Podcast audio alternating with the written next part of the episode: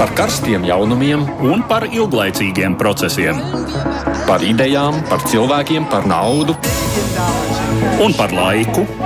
Par abām mūsu planētas puslodēm, un lietojot abas smadzeņu puslodes. Ēterā raidījums divas puslodes. Labdien! Trīs pēcpusdienā ir tas laiks, kad pie jums nāk raidījums divas puslodes. Studijā esmu Mesūģis Lībijams, Latvijas radio ziņu dienesta un arī kolēģis Edvards Liniņš. Sveicināts! Labdien!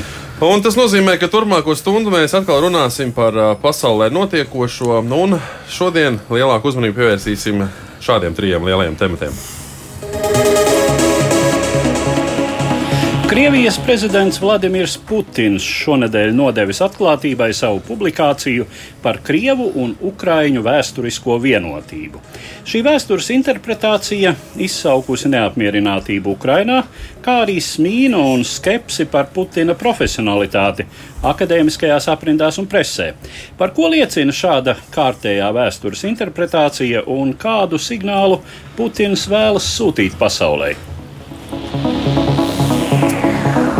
Moldova spērus kārtējo soli savas demokrātiskās attīstības ceļā. Parlamentu vēlēšanās uzvarējuši Eiropeiski noskaņoto prezidentu Māju Sandu atbalstošie spēki, kuri tagad iegūst vairākumu parlamentā.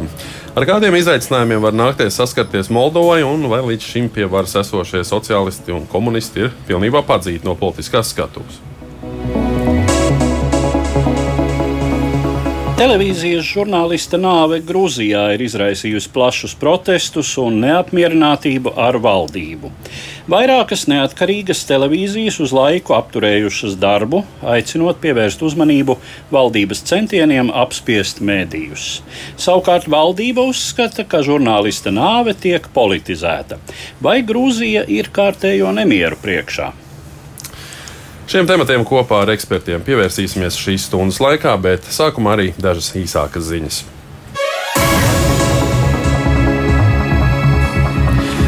Par melno trešdienu nodēvēts šīs nedēļas vidus Baltkrievijā, kur drošības dienas darbinieki veikuši masveidu pārbaudas un kratīšanas dažādās cilvēktiesību aizstāvības un sabiedriskajās organizācijās, Opozīcijas partiju birojos, pētniecības centros um, aizturot un nopratinot desmitiem demokrātisko spēku aktīvistu.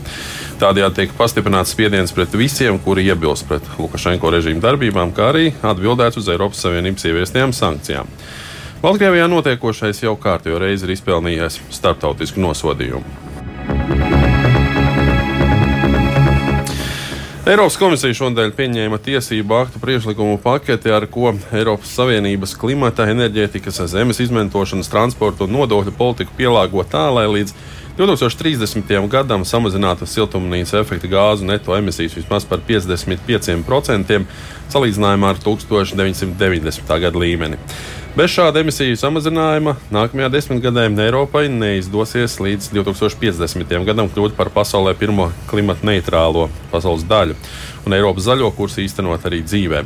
Eksperti gan prognozēja, ka Eiropas komisijai būs jāsaskars ar ļoti sīvu pretestību. Kaut vai jautājumā par jaunu automašīnu ar iekšdedzes dzinēju aizliekšanu jau no 2035. gada. Pasaulē atrodas Covid-19 trešā viļņa sākuma posmā. Par to ir brīdinājis Pasaules veselības organizācijas vadītājs Tedros Gebrēsus jau četras nedēļas pēc kārtas pasaulē aug uh, saslimušo skaits, un pēc desmit nedēļu lejupslīdes ir pieaudzis arī mirušo skaits. Vīrusa delta variants konstatēts jau vairāk nekā 110 valstīs, un drīz tas var kļūt par dominējošo paveidu visā pasaulē. Vienlaicīgi tiek uzsvērts, ka pasaulē joprojām ir ļoti izteikti jūtama disproporcija vakcīnu sadalē. Ja dažas rietumvalstis pat sāk domāt par savu iedzīvotāju iespējamo revakcināciju, dažās nabadzīgākajās valstīs potēšana ir tikai agrā sākuma posmā vai vispār nav sākusies. Pagājušā nedēļas nogalē Kubā izcēlās vairāk nekā 40 dažādas pret valdību noskaņotas demonstrācijas iedzīvotājiem, pieprasot prezidenta Miguela Dieza kanāla atkāpšanos, kā arī paužot neapmierinātību ar pārtikas, medikamentu un arī Covid-19 vakcīnu trūkumu. Varas iestādes, protams, nekavējās apgalvot, ka šo procesu sarīkošanā ir vainojams ASV un to īstenotā sankciju politika. Simtiem cilvēku aizturēti, vismaz viens arī gājis bojā. Taču vismaz daļai Kubas vadība tomēr ir piekāpusies, ļaujot turpmāk ceļotājiem, ierodoties Kubā, ievest pārtiku, medikamentus un citas pirmās nepieciešamības preces, nemaksājot muitas nodokļus. Ir gan viena maza nianse. Lidojumu uz Kubu gan pašlaik ir ļoti, ļoti maz. Bet britu miljardieris Ričards Brensons pagājušās nedēļas nogalē devās savā pirmajā kosmosa lidojumā, kur laikā vairākas minūtes pavadīja bezsvaru stāvoklī, bet pēc tam atgriezās uz Zemes. Brensona nolūks ir, izmantojot kompānijas Virgin Galactic radītos kosmosa lidaprātus, piedāvāt iespēju par samaksu doties kosmosā. Pēc Bransona lidojuma paredzēta vēl divi izmēģinājumi lidojumi, bet regulārs komerciāls lidojums plānots sākt nākamajā gadā. Rindā uz šādu lidojumu jau pieteicies arī kompāniju Tesla un SpaceX dibinātājs Ilons Masks, bet jau nākamajā nedēļā ar savu kosmosa kuģi kosmosā dosies arī bijušais kompānijas Amazon vadītājs Jeffs Bezos. Nu, kā smējies, īstas miljardieru kosmosa spēlītes. Bet tagad gan par sākumā minētajiem tematiem plašāk, un vispirms par vēstures interpretācijas paraugstundu no Krievijas prezidenta puses. Krievijas prezidenta Vladimira Putina aizraušanās ar vēstures interpretācijām Krievijas politisko aktualitāšu mērcē nav nekāds jaunums. 12. jūlijā prezidenta oficiālajā tīmekļa vietnē parādījās viņa publikācija par Krievu un Ukrāņu vēsturisko vienotību. Tas, kā raksta sākumā uzsver autors, ir izvērsums viņa nesen tā saucamajā tiešās līnijas video konferencē izteiktajai tēzē par to, ka Krievi un Ukrāņi esot viena tauta. Pamatojumu meklējumus amatieru vēsturnieks Putins iesāka ar viduslaikos pastāvējušo Kijavas krievzemi, apgalvojot, ka tur dzīvojošie slāvu cilšu piedarīgie uztvēruši visu šo teritoriju kā savu tēvzemi. Virzoties cauri gadsimtiem un izzvejojot no vēstures faktoloģijas sev derīgo, raksta autors pamazām veido Ukrainas kā pret Krieviju vērsta rietumu projekta antikrievijas tēlu. Pagātnē to būvējusi Polija un Austrumungārija, mūsdienās ASV un Eiropas Savienība tiek arī Padomju Savienībai, kas Putina prāta savulaik veidota nepareizi, dodot Savienoto republiku statusu nekrievu nācijām, pie tam aplaupot Krieviju, atņemot tai vēsturiski piekritīgas teritorijas. Jo tuvāk mūsdienām, jo briesmīgāki to pāri darījumi, kulminējot ar briesmu stāstiem par Krievu grautiņiem, kurus 2014. gadā īstenojuši Ukrāņu nacionālisti un šodienu, kad Krieviem Ukrainā mēģinot atņemt viņu etnisko identitāti. Tas esot gluži vai kā masu iznīcināšanas ierocis, jo varot laupīt Krievu tautai simtus tūkstošu, pat miljonus piederīgo. Būtībā liedzot Ukraiņiem pilnvērtīgas nācijas statusu, Krievijas prezidents tāpat laikā piebāztīs savu tekstu ar brālīgas mīlestības apliecinājumiem. Uz šo retoriku atsaucies Ukraiņas prezidents Volodimirs Zelenskis, sakot, ka viņam Krievijas brālīgums drīzāk liekot atcerēties Bībeles tēlu Kainu, kurš aiz skaudības nosicis savu jaunāko brāli Ābelu.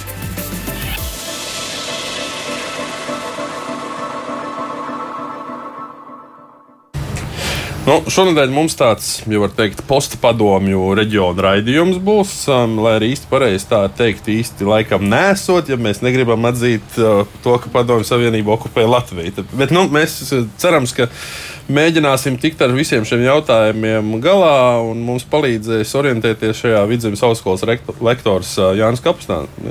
Sveicināti! Un arī žurnālists Aleksis Grigorjovs. Sveicināti! Labdien! Uh, dzirdējām uh, ievadu tekstu par, par, par Vladimira Putina publikāciju. Un, kā ir teicis pats Putins, par šo publikāciju vispār nevajadzētu būt nekādām diskusijām, jo tā ir patiesa un tā ir taisnīga.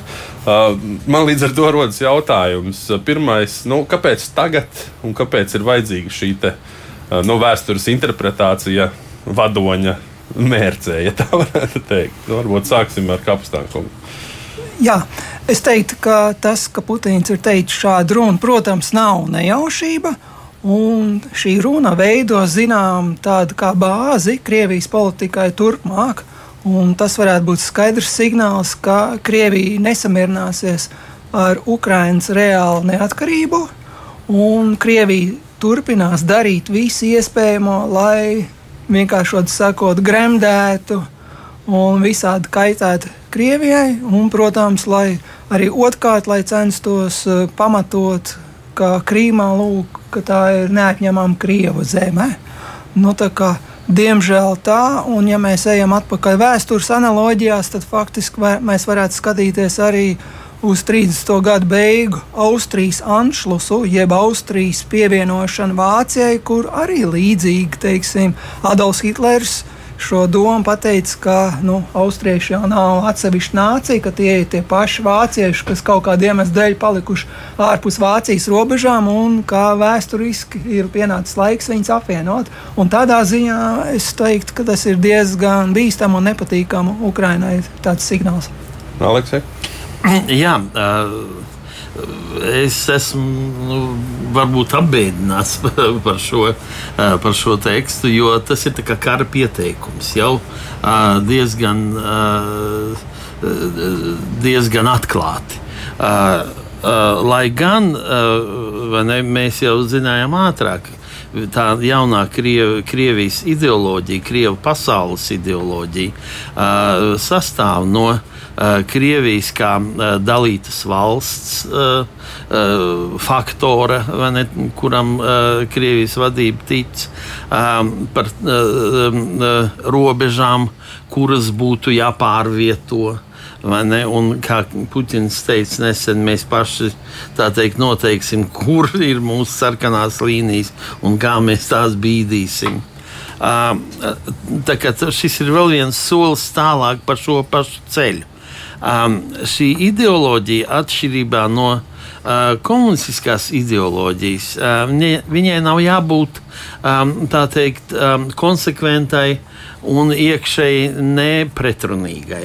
Viņi ir iekšēji pretrunīgi. Piemēram, Ukraiņu tauta ir, vien, ir vienlaicīgi ne tauta, ne tie paši krievi, brāļu tauta, mēs uh, fašisti un mūsu mīlētie Ukrāņu draugi ne, un brāļi. Tas viss ir arī Putina rakstā. Vienā tā teikt, burtiski gandrīz vai vienā teikumā.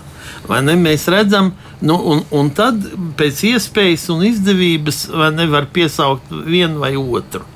Um, uh, uzreiz rodas jautājums, vai karš būs vai nebūs. Vai ne, ja?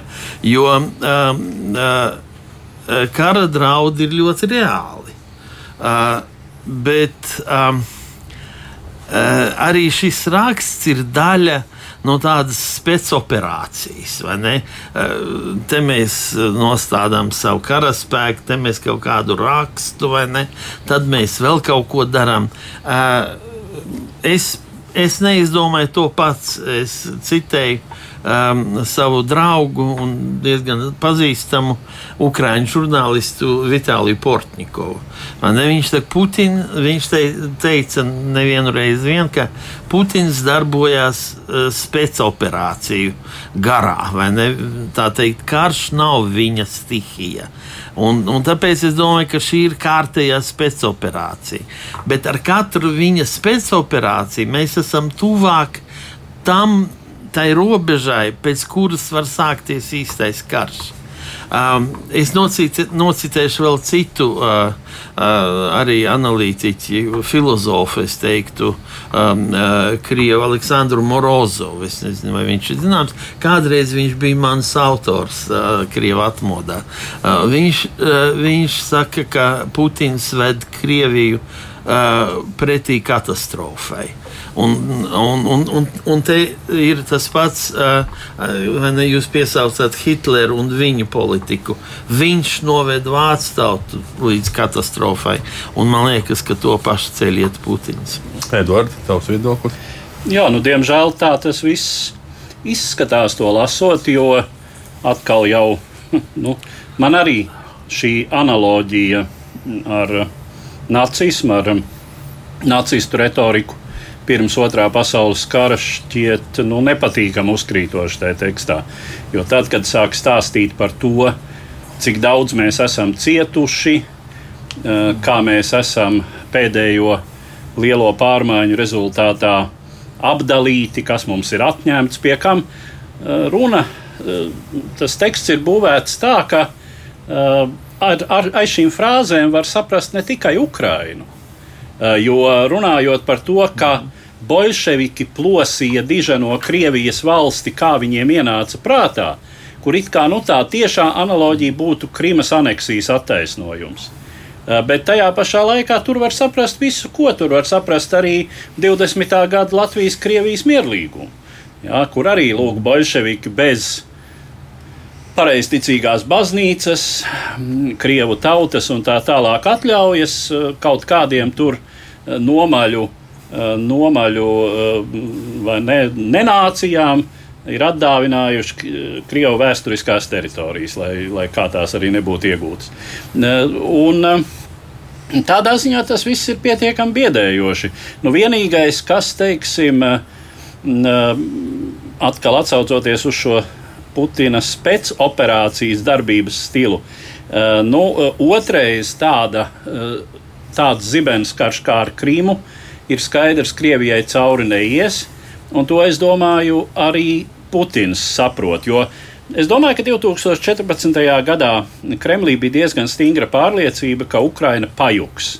Mhm. Ka pēc Krimas atņemšanas un trieciena austrumu Ukrainā, ka šī valsts neizturēs, ka tur sāksies iekšējas jukas, ka pārāk daudz būs to, kuri negribēs karot, sāksies protesti, būs ekonomiskais pagrimums. Tas izraisīs nekas īsti no tā nav piepildījies.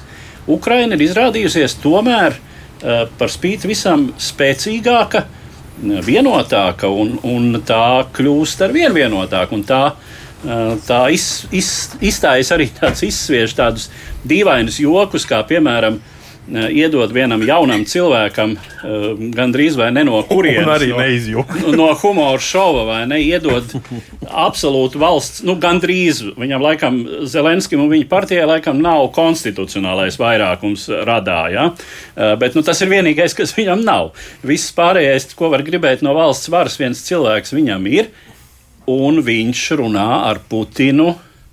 Uh, pārliecinoši. Nu, lecās, nu, lecās. Nu, vi, viņa, tāpēc, ka viņam nav nekādu šaubu uh, par savām vēlēšanām. Viņš šīs balsis nav uh, sašmugulējis mm. tur ar varas resursu uh, un, uh, un pakļāvīgiem mēdījiem. Uh, nu jau Aleksis teica, ka vai briest karš. Nu, faktiski jau var uzskatīt, ka karš turpinās septiņus gadus. Un uh, nu, saspīlējums ir milzīgs. Uh, un šajā brīdī apgalvot par, par brālīgumu, par, par, par vienu tautu, vai tas ir nu, nu, neētiski, cīniski, vai, vai, vai vienkārši nu, tā ir kaut kāda jā, nu, spēka demonstrēšana kārtējo reizi. Kā tas, nu, nu, vai, vai, varbūt ir absurdā iespēja samierināt nesamierināmo. Utopija. Uh, nu, es domāju, ka tā ir nirgāšanās uh, par Ukrajinu. Un, un tā tas arī tiek uztverts Ukrajinā, kā, kā nirgāšanās. Uh, tāpēc uh, ne, ne, ne, ne, vēl viens veids, kā pazemot, kā uh, teikt, izsaukt kaut kādu pretestība varbūt pat. Bet, jādomā, kādai auditorijai tad vispār šis ir domāts. Es, es, es varbūt uzreiz turpināšu jautājumu. Tieši mēs jau runājām, ka tas nav, visticamāk, tas nav mērķēts tieši uz Ukrajinu, ir Nē. plašāk. Un te man rodas jautājums, nu, ar Ukraiņiem mēs zinām, ka problēmas ir. Baltkrievijas jautājums šajā brīdī. Kur tad tie brāļi lielie? Uh, šajā situācijā varbūt tas uh, vēstījums pat būtu aktuālāks Baltkrievijai. Nu, tas, tas vēstījums aktuāls visiem, arī mums. Kā jau kolēģis teica, uh, varbūt visvairāk Baltkrieviem. Bet tomēr pamats, man liekas, tāda fiksācija Putinam ir par Ukrainu. Un to mēs jau redzam, ne, ka tā ir tā, tā uh, slimā vieta, kas viņam niez, kas viņam tā teikt neļauj mm, laikam naktīs. Krievija bez Ukrainas nekad nebūs impērija. Jā, no vienas tā. puses, jā, bet no otras puses, nu, teiksim, nu, nebija domāts. Uh, bija domāts, ka tā Krima, ka tā Krimas pievākšana nu, kaut kā vieglāk izies cauri. Nu, ka neizmetīs, teiksim, no lielā astotnieka. Ne, Eh, piemēram, ka, ka Eiropa to vieglāk un, un Rietumi to vieglāk norīs, jo nu, tā taču ir tikai kaut kāda Ukraina. Nu, tas arī īsti eh, neīstenojās. Eh, un, jā, nu, to būtu, būtu interesanti kādus 50 gadus pārliekt nākotnē un palasīt, ko vēstures grāmatās tāda rakstīs par uh, to, kā tad tika pieņemti lēmumi uh, un uh, kurš ko tajā brīdī un kurā brīdī domāja. Bet nu, man jau ir aizdomas, ka Krima uh, un, un viss tas, ko Putins ievārīja 2014. gadā, nu, tā, tā bija tāda mirkļa improvizācija lielā mērā. Ka vispirms izdarīja un pēc tam domāja, kas ir sadarīts. Nu, un, tas gala rezultāts ir tāds, ka nu, nu, jā, nu, ir, tā, ir tā Krima. Ja? Uh, bet eh, tas, kas līdz ar to ir zaudēts, eh, vieta eh, kaut kādā starptautiskā konstelācijā, vieta, teiksim, globālajā koncertā. Ir, ir pazaudēta. Jā. Putins joprojām lielā mērā sēž viens pie sava galdiņa tagad, jā, viņš jau viņa roklaižas tur var, un bikšlaižas var, var, var stāstīt, ka viņš tur sēž viens, tāpēc, ka neviens ar imperatoru uh, neuzdrīkstas. Jā, bet, bet nu, nu, ir kā ir. Jā, un, protams, tāpēc, ka tāpēc Putinam niez, niez tā Ukraina, bet nu, ir, ir arī tāpat Krievijas iekšējā situācija. Un tas atkal ir moments, kas, kas arī ir pamats bažām, jo nu, Krievijā plosās Covid. Tas Sputniks nav nekāds brīnums, izrādās. Jā, tā nav vislabākā pasaules vakcīna, pie kam, cik var noprast, eh, Krievijai ir līdzīga problēma kā Latvijai, jo joprojām ir eh, ļoti daudz vakcinācijas skeptiķu, kuri vienkārši negrib. Un tad šur un tur ir kaut kāda neorganizētība un trūkums un tā tālāk. Un tā tālāk. Eh, visas e, ekonomiskās sekas nu, Krievijai ir iekšēji, nu, teiksim, Krievijas sabiedrībai pietiekami daudz jautājumu savai varai. Nu, šai ziņā, protams, kaut kāda eskalācija atkal pie robežām, un nu, visdrīzāk jau tad atkal jau Ukrainā. Nu, tas ir tāds mirkļa konjunktūrai atbilstošs risinājums. Nu, Kapuskāna kungs, es jums vēl prasīšu vienu tādu lietu. Atzīstot, nu, vismaz tagad uz vienā publikācijā, uz viena papīra, ka Ukraiņa un uh, Krievi ir viena tauta. Uh, Tā tad uh, varam doties aizsargāt tautiešus ārzemēs, un tam mums nav vajadzīgs nekāds pilnvars, jo tautiešus mēs varam aizsargāt. Jā, no šis koncepts tiešām ir diezgan spēcīgs. Teiksim, Krievu pasauli, tātad aizsargāt Krievu tautiešus, Krievu pilsoņus. Šādi cilvēki dzīvo vairākās valstīs ārpus Krievijas, un te ir Kremlim diezgan liels iespējas.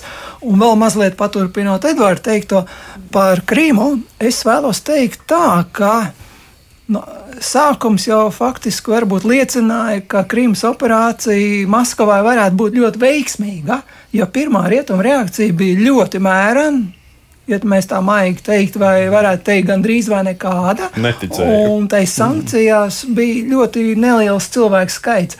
Un būtībā Ukraiņiem ļoti palīdzēja mainīt rietumu attieksmi. Šī viena nelaimīgā Malaisijas lidmašīna, kur pamatā Nīderlandieši lidoja. Un būtībā šī lidmašīna uzreiz krasi mainīja, šeit uzreiz apmēram 200 Nīderlandes eh, pilsoņu gāja bojā. Un te uzreiz rietumiem bija skaidrs, ka nu, nu nevar. Lai cik daudz it kā pirms tam gribēja draudzēties, vai pragmatiski politika ar Krieviju, momentāli uzreiz būtībā viss piekrita, ka šīm sankcijām jābūt. Un, protams, ka Kremlis varbūt cerēja, ka nu, nu kādu brīdi sankcijas, bet nu jau sankcijas ir diezgan ilgi. Un 2014. gadā, protams, ka iekšpolitiski Kremlim izdevās pacelt uh, Krievijas krievus, sajūsmināt šo Krīmas pārņemšanu uz tā patriotismu viļņa, bet patriotisms agrāk vai vēl arī kaut kad arī sāk noplakt, kad, piemēram, tev pārtika sāk samazināties un... līdzīgi kā Kubā apmēram. Jā. Tā kā, nu, šeit ir tāda riska, un te, protams, ir nu, valdniekam ir jārīkojas, un viņš arī rīkojās. Meklēja jaunas monētas. Es, es vēl tā, nu, pavisam īsi, tā, nu, droši vien to nav iespējams īsi atbildēt.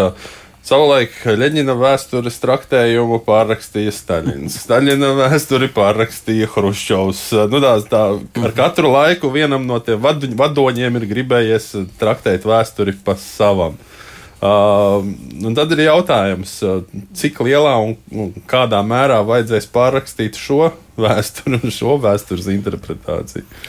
Vai, nu, tas ir jautājums, uh, ir, kas tad to darīs, jā, kurš, kurš to vēsturi. Pagaidām man liekas, nav neviens, kurš beig gribētu pārrakstīt. Krievijā. Re, redziet, um, šis vēstures traktējums nav neko tālu, tāļš no, no uh, tradicionālā Krievijas impērijas vēstures traktējuma. Jo, uh, jo Krievijas impērija ne, ne Ukraiņus, ne Baltkrievus neuzskatīja par, par atsevišķu tautu. Valodas bija aizliegtas, varēja publicēt tikai, uh, tikai folkloras kaut kādas ne, grāmatiņas un tādas dziesmiņas un, un teikas, ne, bet nekādus eh, filozofiskus rakstus, neko tādu. Vienkārši bija valodas aizliegums. Un, un, un tāpēc, ne, tā kā, tā kā šī ziņā tas ir turpinājums. Un Ukraiņas vēsture ir faktiski Krievijas zakta. Jo, jo, jo mēs, mēs arī kā skolā esam mācījušies par to, ka uh, Kijava ir Krievu um, pilsētu māte, vai ne? Uh, bet, uh, bet kāpēc Krievu pilsētu māte? Jā, tas tas skaistais teksts par to, ka arī pēc tam, kad Kievas Krievzeme sadrumstalojās nu, Mongolu iebrukuma rezultātā, lai gan faktiski jau tas process sākās pirms tam. Pirms tam uh, tad, tad lūk, tie cilvēki, kas tur dzīvoja, turpināja runāt vienā valodā un uzskatīt to par savu tēvzemi. Nu, tas ir no vēstures viedokļa, protams, pilnīgi smieklīgi, jo, kā zināms, viduslaikos cilvēka pašidentifikācija saistījās primāri ar reliģiju. Viņš sevi uzskatīja par uh, Uh, kristieti, nu, uh, droši vien daļa, daļa no viņiem apzinājās, ka viņi ir pareizticīgie, nevis uh, tā tad latīņi, ja, katoļi. Um, un viņš saistīja sevi ar savu zemes kungu. Viņš zināja, kura kņāza. Vai nu, visbiežāk pat, pat ne kņāza, bet kaut kāda vietējā vojevodas pakļautībā viņš ir. Un, nu, teiksim, identifikācija ar kaut kādu plašāku uh, tādu ģeopolitisku vienību, tas ir, tas ir 19. gadsimts. Tā nopietni runājot. Labi, šī brīdī mēs uh, liksim Krievijai punktu. Šeit tāda varbūt tā mazā remarka bija par, par slāvu tautu vienotību un ka ir viena, viena valsts un viena tauta, kuras valoda un rakstība atšķirās starp visām slāvu tautām. Tā ir Krievu valoda. Jo, Ukrāņiem, Baltkrieviem, Poļiem, Slovākiem, Slovēņiem visiem tomēr ir ļoti līdzīga rakstība un, un, un izruna. Labi, šeit liekam punktu un dodamies uz Ukraiņas kaimiņu valstu Moldovu. Svētdien ievēlētā Moldovas Republikas parlamenta sastāvs ir pārsteidzoši kompakts. Tajā ir tikai trīs frakcijas. Pārliecinošu vairākumu, 63 no 101 deputāta vietas, iegūs pašreizējās Moldovas prezidents Maijas Sandu 2016. gadā dibinātā partija Rīcība un solidaritāte. Tas ir liberāli centrisks spēks, kura programmā ļoti nozīmīga vieta ir korupcijas apkarošanai, cik tālu tas savulaik izauga no protestu kustības pēc bēdīgi slavenās viena miljardu dolāru pazušanas no trīs Moldovas bankām 2014. gadā. 2019. gada vēlēšanās bloks, kuru šī partija izveidoja kopā ar divām citām līdzīgas ievirzes partijām, iegūta 26 vietas, atpaliekot gan no prokremliskās sociālistu partijas, kuras pārstāvis bija arī toreizējais prezidents Igors Dodons, gan arī no demokrātiskās partijas, kas tika uzskatīta par oligārha Vladimira Plahotņuka kabatas partiju. Mokošā procesā, kas teju nenoslēdzās ar ārkārtas vēlēšanām, proeiropeiskie liberāļi vienojās koalīcijā ar sociālistiem, lai nepielaistu varai oligārhu cilvēkus. Par premjerministru kļuva Maija Sandu, bet vienus dažiem mēnešiem, jo jau gada nogalē koalīcija izjuka un tika izveidots kabinets, kurā gan tā vadītājs Jons Kiku, gan vairākums ministru bija bezparteiski. Jauns pavērsiens notika pagājušā gada novembrī, kad Māja Sandu uzvarēja Moldovas prezidenta vēlēšanās.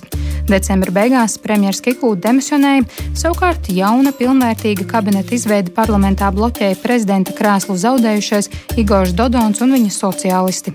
Pēc diviem negatīviem balsojumiem prezidents saskaņā ar Moldovas konstitūciju izsludināja ārkārtas parlamenta vēlēšanas. Savukārt parlamenta mēģinājumu tās aizkavēt, izsludinot valstī ārkārtas stāvokli Covid-19 izplatības dēļ, Moldovas konstitucionālā tiesa atzinusi par nelikumīgu. Domājams, sociālistu destruktīvā rīcība pandēmijas apstākļos bremzējot kabineta izveidi ir viens no iemesliem viņu vājākajam sniegumam vēlēšanās, iegūstot vien 32 vietas. Nelīdzēja nedz bloķēšanās ar kādreizējiem konkurentiem, komunistiem, nedz vēlētāju mobilizācija separātiskajā Piedņestras reģionā. Tiek atzīmēts, ka liela nozīme bijusi Moldāvu diasporai Eiropas Savienībā, kuras balsis pamatā tikušas partijai rīcība un solidaritāte. Vēl septiņas balsis iegūsi eiroskeptiskā oligarha Ilona Šora partija, kuras dibinātājs ir viens no 2014. gada finanšu skandāla galvenajiem figurantiem. Divas puslodes! Atgādinu, ka mūsu sarunā joprojām piedalās Vidzemes augstskolas lektors Jānis Kapstāns un arī žurnālists Aleksis Grigorjevs. Nu, visai grūti savulaik Maijai Sandu nācās uzvara Moldovas prezidenta vēlēšanās. Tagad demokrātisko spēku uzvara ir pat ļoti pārliecinoša. Nu, nu, laikam jāsaka, ka tur nu, tādu milzīgu lāču pakalpojumu iepriekšējie spēki sev izdarīja ar dažādiem korupcijas skandāliem. Un tomēr um, nu, tik strauja nu, tāksim, tā spēku maiņa parlamentā. Tādā valstī kā Moldova, kas varbūt nav tas pats, nu, kā lai saka, paraugs attīstītai demokrātiskai valstī. Bet šādas man, man, man pieņemsim, rada bažas, kas notiks tālāk. Kā jūs skatāties uz to, ka tik strauji notiek politiskās sistēmas, ja tā var teikt, maiņa vai uzskatu maiņa? Jā. Jā, man ir bijis tas gods 2017. gadā pabūt Erasmus Plus pasniegšanas un pieredzes apmaiņas vizītē.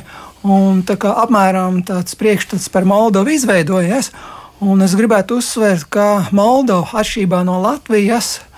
Nu, teiksim, 30 gadi pagājuši kopš PSRS sabrukuma, un joprojām meklē ceļu. Būtībā ar katrām vēlēšanām vai uz Krieviju skatīties, vai uz Eiropu. Nu, tagad šīs ir pirmās vēlēšanas, kur tā jau pārliecinošāk ir pavērsušies uz Eiropu, bet, nu, teiksim, Tā sliktā ziņa ir, ka jaunajai teiksim, valdībai nāksies sev tomēr vēl pierādīt, kāpēc viņiem tik liela panākumi. Es to skaidrotu ar to, ka varbūt ļoti daudz cilvēku nepiedalījās vēlēšanās.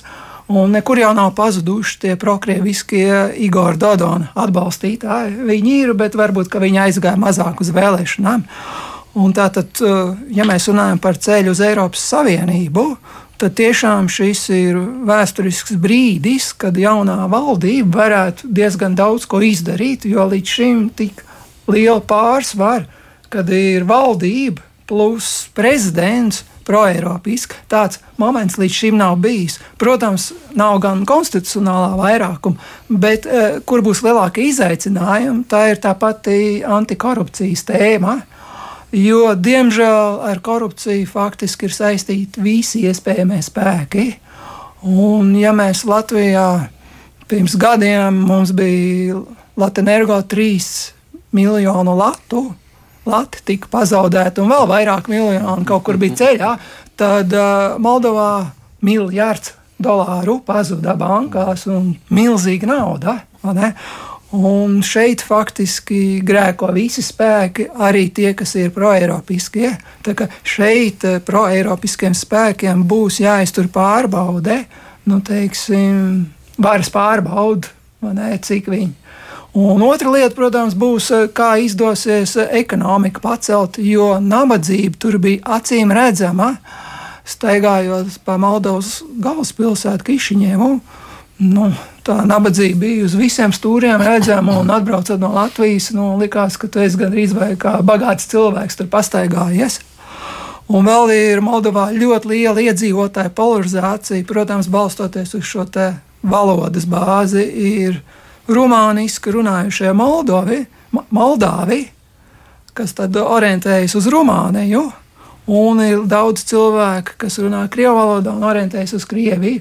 Un pēc šī sadalījuma ir ne tikai politiskās pārliecības, bet arī uz kurienu brauc strādāt. Ļoti daudz Moldāvi ir izbraukuši strādāt ārpus Moldovas, un tie, kas ir krievu valodā runājuši, tie brauc uz Maskavu un Krieviju strādāt. Mm. Piemēram, komendantei kopmītnēs, kur es paliku dēls, viņa stāstīja, viņš Maskavā strādā, un savukārt rumāņi brauc, es atvainojos, Mola, nu, teiksim, tā rumāņu valodā runājušie Moldāvi, Moldāvi, tie brauc strādāt uz Rumāniju vai tālāk.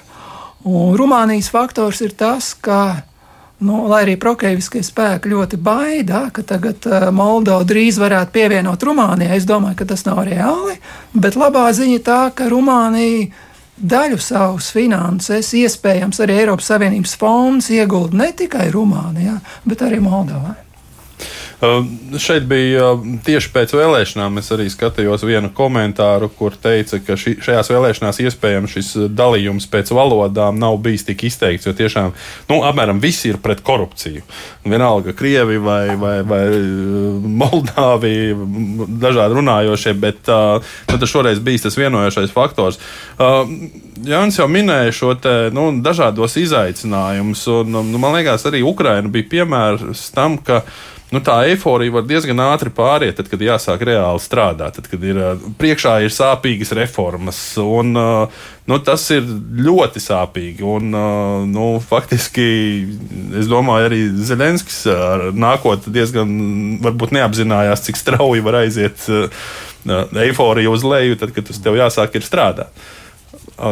Nu, man liekas, ka tas tomēr ir jautājums arī par paudzēm. Eh, nākus klāt jauna paudze. Eh, un, un, un sāk balsot. un, eh, jāsaka arī, ka Maijai Sandu tomēr ir ļoti laba reputācija.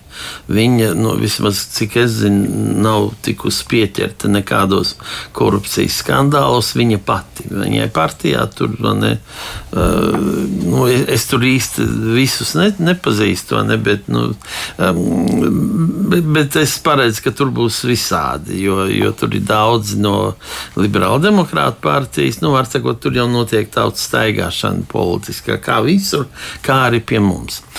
Starp citu, tur ir viens arī analītiķis, ne, kurš arī ir ievēlēts tagad par, um, par deputātu, uh, kurš kādreiz man teica, kad es tur strādāju, es sešas gadus nostrādāju, uh, nostrādāju Moldovā NDI. Uh, vai nestrādājot ar politiskajām partijām. Un viņš man teica, uh, tā, es necitēšu, kurš tas bija.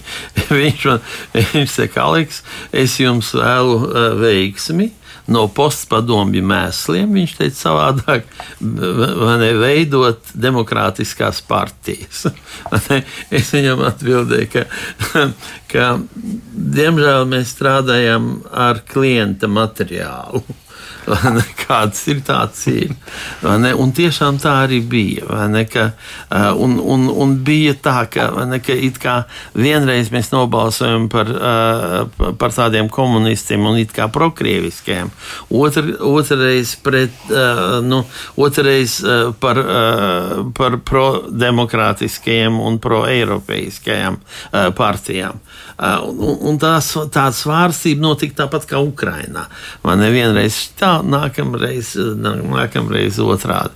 Un, um, uh, Un man liekas, ka šīs ir tās vēlēšanas, gan ievēlējot Māju Sandu par prezidentu, gan, gan šīs parlamentārās vēlēšanas, kas apzīmē tomēr jau to, ka ir aiziets no šīs, vai ne 50, tur 50, tur.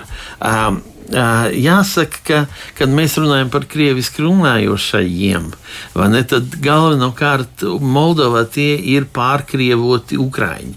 Krievu tur ir ļoti maz, burtiski ne, uz pirkstiem saskaitām. Es, es zinu šos, šīs sāģes, ne, kur es, es iebraucu un, ne, un, un es kaut ko pērku runājot krieviski, bet viņi savā starpā runā ukrāniski. Un es pārēju uz ukrāņu valodu, ne, un viņi man prasa, vai jūs esat no Ļuvovas?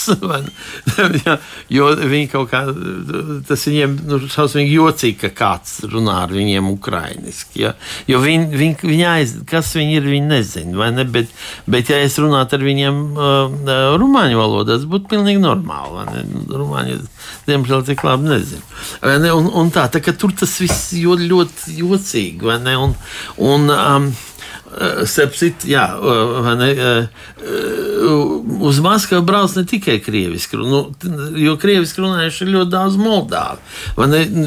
Tur ir tādas lietas, kas mums galīgi nav, nav iespējams. Piemēram, var braukt ar maršrutu autobusu vai ne mazo busiņu, vai ne tur skan pa visu tā teikt, būs moldāvu tautas dziesmas, vai ne? Un, un turpat ir tas Georgi Georg Lentīte, vai ne? Nu, nu, tas ir kaut man tā teikt mute paliek vaļā. Nu, nav tas savienojams. Vai, vai ne, bet Moldovā tas ir savienojams. Un noteikti tas, tas šoferis noteikti balsoja par Dodonu. Nu, nāk pēdējās vēlēšanās. Bet iespējams, ka šoreiz viņš balsoja par Sandu, jo, ne, jo, jo, jo, jo, jo viņai tiešām ir ļoti laba reputācija. Uh, nu, tur par tām reputācijām bija vēl stāsts par to, ka faktiski. Uh, tika izteikts pieņēmums, ka viņa divreiz ir nominējusi neapstiprināmu premjerministru, lai dabūtu šīs vēlēšanas. Jā, nu, tāda tas, bija, protams. Bet, uh, es gribēju vēl uh, Edvardu pēdējo jautājumu par to, ka. Uh, Piedņestras jautājums. Tiek uzskatīts, ka nu, tagad varbūt tas pagrieziens ir noticis tik liels, ka varbūt arī Piedņestras iedzīvotājiem varētu būt lielāka interese par to nu, teiksim, ciešāku sadarbošanos ar, ar Moldovu centrālo, ja mēs tā varam teikt. Mm. Cik šis aspekts varbūt var pamainīties, tavuprāt? Nu, tas ir interesants jautājums, jo tam jautājumam ir, tas ir koks ar diviem galiem. Tas viens koka gals ir tas, ka patiešām nu, Piedņestra pēc 2014. gada jau sevišķi ir palikusi gaisā karājumies. Krievijai pat ir ļoti grūti uh, tur nogādāt savus virsniekus, jo agrāk viņi to darīja caur Ukrainas teritoriju, caur Odesu. Eh, Krievu virsnieks eh, ieradās, atlidoja uz Odesu un tālāk devās ar kaut kādu transportu uz Piedņestru. Eh, tas beidzās ar 2014. gadu. Savukārt caur Kišiņevu viņi tur var ierasties tikai slepeni. Uh, un, ja viņus noķer, ka tie, tās ir krievu militāri personas, tad viņus vienkārši aizsūta atpakaļ uz Krieviju. Uh, tā kā teiks, tas kontingents, apmēram tūkstoši cilvēku, krievu militārais kontingents, kas tur ir, nu, tas ir, tas ir tur tā iesalis. Uh, un, protams, Ak, tāds ir iesaldētais konflikts. Lūk, tas patiešām ir iesaldēts konflikts. Uh, un, uh, protams, ja Moldovā sāksies daudz maz sakarīga ekonomiskā attīstība, tad tā, tiem Piedņestras iedzīvotājiem, kas citādi arī ekonomiski lielā mērā ir izolēti. Nu, viņiem būs tā interese. Ja? Un, ar, un, un arī, teiksim, ja viņi redzēs, ka nu, tur nenotiek nekāds uh, fašistiskais apvērsums. Ja? Nu, jautājums ir, ko par to teiks Vladimirs Vladimirovičs, mūsu vēsturnieks un uh, vēstures mītu tiražētājs. Ja? Kā viņam tas šķitīs, un vai viņu tas, tā sacīt, nemotivēs atkal kādiem interesantiem gājieniem? Starp citu, uh, teiksim, šī raksta parādīšanās šobrīd, kad Baltkrievijā notiek, ir noticis tas, kas ir mhm. noticis, un Moldova diezgan nepārprotami pagriež šobrīd Krievijai muguru. Nu, tur Varbūt tas nav gluži nejauši arī šajā aspektā. Labi, liekam arī Moldovai punktu un pārcelsimies pāri Melnējai jūrai uz Gruziju. Mēneša sākumā plānotās seksuālo minoritāšu tiesību aizstāvju akcijas, jeb Praidu, Grūzijas galvaspilsētā Tbilisī izjauca nežēlīga vardarbība. 5. jūlijā paredzēto tā saucamo cieņas maršu rīkotāji atsauc pēc tam, kad satrakots pūlis ielauzās viņu birojā un to izdemolēja. Paziņojumā bija teikts, ka lēmums pieņemts, lai novērstu draudus cilvēku dzīvībai. Kā rādīja tālākie notikumi, šis formulējums nebija pārspīlēts. Agresīvie praida pretinieki masveidīgi uzbruka nevien domājamiem seksuālo minoritāšu pārstāvjiem, bet arī notikumu vietās esošajiem žurnālistiem. Tiek minēts, ka uzbrukumus piedzīvojuši apmēram 50 preses pārstāvji, un viens no viņiem, 5. jūlijā smagi piekautais telekanāla Pirvelī operators Aleksandrs Leškarava, svētdien tika atrasts savās mājās miris, iespējams no gūtajām traumām. Sekoja protesti pie Grūzijas parlamenta ēkas, pieprasot premjerministra Iraklija Garibašvili un iekšlietu ministra Bahtānga Gomelauri atkāpšanos. Premjers tiek vainots nevien nepietiekamā situācijas kontrolē, bet arī netiešā huligānu uzskūtīšanā. Jo Praida priekšvakarā izteicās, ka Grūzijas sabiedrības lielākā daļa to neatbalstot, tas riskējot izraisīt pilsonisku konfrontāciju un aiz šiem pasākumiem stāvot viņa politiskais pretinieks, kādreizējais Grūzijas prezidents Mihails Sakašvili. Arī tagad Gariba Švilī paziņoja, ka protestētāji esot pret Grūzijas valsti un pareizticīgo baznīcu noskaņotie, kuri mēģinot politizēt žurnālista nāvi. Gariba Švilī partijai Grūzijas sapnis ir vairākums parlamentā. Nemierīga situācija un dažādas politiskās kaislības Grūzijā nu, patiesībā turpinās jau mēnešiem ilgi. Un, un, un pirms kaut kāda laika mēs redzējām, tur bija dažādu opozīcijas līderu aizturēšanas un tā tālāk un tā joprojām. Šoreiz kārtēji protesti, kas nu, it kā tagad var skatīties, ka izskatās, ka ar politisku zemtekstu no otras puses aktualizēti ir jautājumi gan par homoseksuālu cilvēku tiesībām, gan par preses brīvību. Uh, nu, Gruzija ir atkal, varētu teikt, no šīm trijām valstīm, ko mēs esam pieminējuši, Krievija, Moldova, Gruzija, varbūt nedaudz tālākus soļus spērusi, varbūt tuvāk Eiropai vai uz rietumu virzienā. Un tomēr joprojām pēc šiem daudziem gadiem nestabilitāte. Oh, Varbūt jūsu viedokļi, kāpēc, kāpēc tieši tagad? Tāksim, Aleksē. Nu, uh, kā, uh, kā visas trīs valstis, tur ir tāda uh, svārstīga, svārstīga politika. Ne, viena, vienreiz nobalso par vieniem, otrreiz par, par, par otriem. Un, nevarētu teikt, ka šī valdība ir nu, tāda pilnīgi prokrieviska, ne, bet, bet eh, zināmā mērā viņi ir nu, tā teiksim, mērēnāki uh, prorietumnieciska. Un uh, šis notikums uh, parāda šo nostāju. Teiksim, par šiem praidiem. Es tos praidus esmu redzējis visās šīs ziņās, vai ne? Nu, nu, kādus 20 noteikti. Un, un katru reizi nu, ir skaidrs, mēs to redzējām arī Latvijā. Jā, notiek vardarbība Tas nozīmē, ka valdība nav šo vardarbību teikt, apturējusi.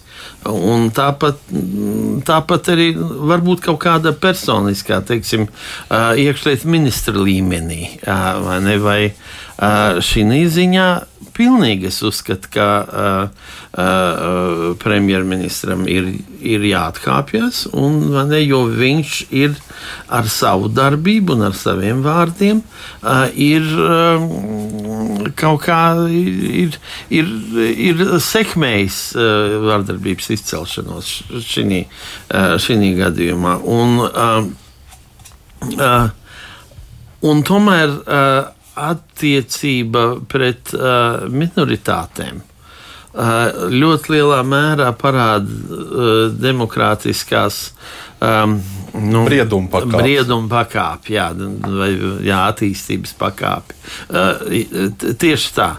Un, un tas uh, nesenajā um, Eiropas uh, cilvēktiesību tiesas lēmumā, uh, lai gan lēmums attiecas uz Krieviju, bet tas attiecas arī uz Latviju un, un ar, ar, ar uz visām pārējām uh, valstīm. Tas, uh, vai ir vai nav vairākuma akcepts, nenozīmē, ka var uh, kaut kā limitēt uh, mazākuma tiesības. Tas ir ļoti nozīmīgs princips demokrātijai. Jā, nu. Es gribētu teikt, ka man jau liekas, ka visi šie notikumi, ka tos, protams, izmanto arī abas puses, gan valdošā vārā, gan arī opozīcijas spēki, katrs savās interesēs.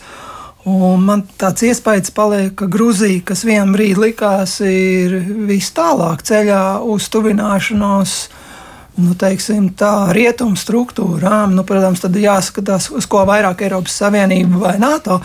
Tad tagad tāda sajūta ir, ka Grūzija tā kā attālinās, vai kādreiz bija tas Leņķina teiciens, solis uz priekšu, divi atpakaļ. Un tagad vai nav iestājusies šī situācija, jo gan esošā vārā, nu, kā Aleksis teica, ka viņi ir tādi mērenāki, prorietumnieciski. Būtībā viņi stāv uz vietas un nekāda tuvināšanās rietumiem nenotiek. Un arī opozīcija īstenībā netiek pie uh, vairākuma atbalsta. Un, te ir arī ļoti liels iekšpolitiskās spēles. Un rezultāts ir tiešām diezgan liels hauss. Nevienai, ne otrai pusē nav pārliecinoša atbalsta. Un būtībā Grūzija stāv uz vietas, un, diemžēl, jāsaka, kā ir, ka viņi arvien vairāk neatālinās no rietumu struktūrām. Uh, Edvards, runājot par Mihālu Sakašvilī, kas arī tika pieminēts šajā materiālā, nu, viņam joprojām ir ambīcijas atgriezties Grūzijas politikā, jo viņš taču mums tagad gandrīz pilnvērtīgs Ukrainas ir un, un Ukraiņu cels un stutēs. Un, un, un. Nu, viņš ir, jā, viņš ir pilnvērtīgs Ukrainas uh, politiskās konjunktūras pārstāvis, bet uh, nu, droši vien jautājums, kādā kvalitātē atgriezties. Uh, nu, viņam ir joprojām, nepārprotams, sakari Grūzijā, lai gan, nu, jāsaka, varbūt no otras puses Garibašvili viņu izmanto arī drusku kā tādu bubuli un, un nu, tādu Soros analogu? Uh, ka nu, viņš tur un rausta diedziņas. Uh, es domāju, ka pašreizējais Grūzijas premjeras patiešām, nu, protams, ka viņš nerēķinājās, ka var notikt kaut kas tāds. Bet tas, ka viņš vēlējās nospēlēt, būdams Citas starpā mēs zinām ļoti populistisks arī politiķis. Uh, nu, tad viņš gribēja nospēlēt uz sabiedrības noskaņojumu, kas nepārprotami, nu, Grūzija ir tradicionālistiskāka sabiedrība, un es domāju, arī vispārējais klimats reģionā ar um, minoritāšu, tātad seksuālo minoritāšu brīvajām zonām Polijā, ar uh, Ungārijas nu pat pieņemto likumu. Nu, gan tā reģionu paņēmi. Tā Nē, nu, Grūzija, Polija, nu, Ukraina. Tas ir viss post, tā ir visa posttotalitārā telpa. Uh, nu, kurā notiek zināma slīdēšana atpakaļ. Un es domāju, arī Grūzijas pareizticīgās baznīcas pastiprināta aktivizēšanās šobrīd, jo tie praidi nu, notikuši jau vairāk kārt Bilisiju. Un, uh, Uh, un līdz šim no šāda ekscesa nav bijis, bet šobrīd baznīca ir kļuvusi ļoti skaļa savos izteikumos, ļoti uzkūdoša. Um, nu, acīm redzot, ir lūk šie um, uh, fobiju pārņemtie ļaudis, kuri redzot, ka gan valsts vara, gan garīgā vara, uh, tā kā tās labvēlība ir viņu pusē, nu tad nu, tas, ka nu, žurnālisti ir trāpījušies par rokai. Nu, tas ir, es teiktu, arī pietiekami zīmīgi, pietiekami spilgti, jo nu, žurnālists jau arī ir tāds maita, eh, kurš lielākoties saka ne to, ko īstie vīri gribētu dzirdēt, ja? un parāda kaut ko ne tā pareizā rakursā. Ja? Nu, nu, tad kāds redz, ka tu tiešām kādam tur daudz zobus vai kaut ko. Ja? Nu, tad paņem to žurnālistu arī pie reizes. Lai gan, nu, teiksim tā, 50. 50 cietuši žurnālisti. Viens varētu būt negadījums, 50 tā jau ir nu, tendence. Tā, tā ir tendence, jā. Nu, tas ir. Un, un tas, ka tas, ka Grūzijas premjerministrs šobrīd arī joprojām nu, absolūti nejūtas vainīgs mm. un turpina to savu retoriku, ka šitie visi ir uh, sakūdīti un, un, un, un pret, pret mani un pret baznīcu un nu, droši vien pret dievu arī. Ja? Nu, tad uh, tas ir. Tas ir tas, lūk, tas ir tas, kas patiešām ir sabiedrības šķelšana. Jā, šajā brīdī man ir arī jāliek punkts šīs dienas diskusijām.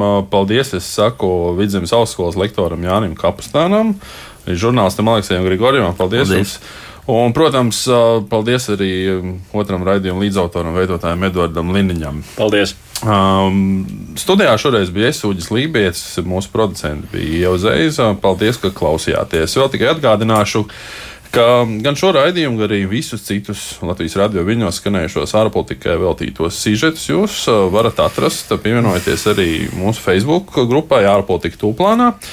Uz atdzirdēšanos atkal jau pēc nedēļas, šajā pašā laikā. Arī tad lūkosimies, kas tad notiek šīs planētas abās puslodēs. Uz sadzirdēšanos!